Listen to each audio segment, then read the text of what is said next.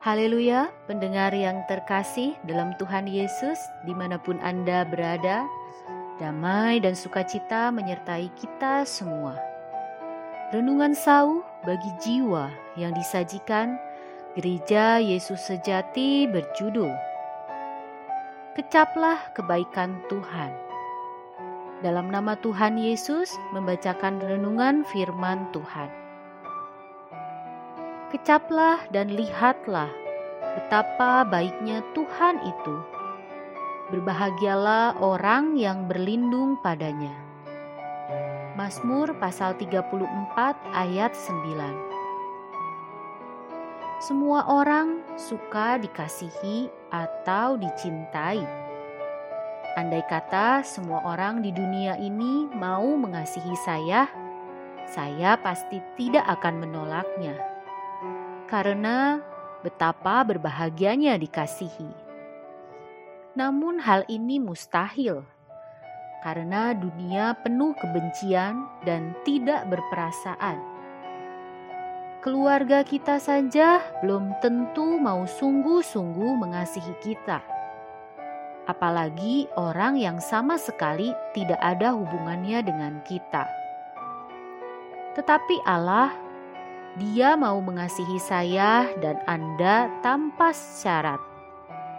Dia rela mati di atas kayu salib untuk menebus dosa kita. Saya tidak mengerti mengapa orang dunia justru menolak kasih yang diberikan dengan cuma-cuma ini. Banyak nasihat mengatakan, "Jangan mengasihi orang yang tidak layak kau kasihi." Ini dianggap suatu kebodohan. Tetapi Alkitab mengajarkan kita, sebab tidak mudah seorang mau mati untuk orang yang benar, tetapi mungkin untuk orang yang baik ada orang yang berani mati. Akan tetapi Allah menunjukkan kasihnya kepada kita oleh karena Kristus telah mati untuk kita ketika kita masih berdosa.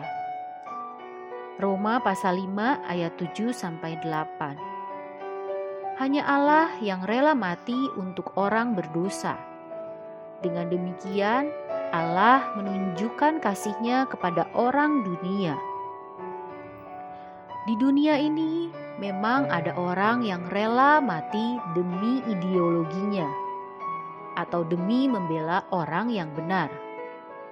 Hanya saja hal ini sangat jarang terjadi. Namun, Allah bukan mati untuk orang yang benar, tetapi untuk orang yang berdosa. Selain Allah, siapa yang mau mati tanpa syarat untuk orang berdosa? Ini sangat berlawanan dengan nilai orang dunia, tetapi justru menampilkan betapa panjang dan lebar tinggi dan dalamnya kasih Allah. Bila hari ini saya mau menggantikan seorang pembunuh dihukum mati, semua orang akan menganggap saya tidak waras. Dia adalah pembunuh, bukan orang benar, bukan orang suci. Mati menggantikan dia, otaknya benar-benar tidak waras. Tetapi Yesus Kristus telah melakukannya bukan karena otaknya tidak waras, melainkan karena kasihnya kepada umat dunia.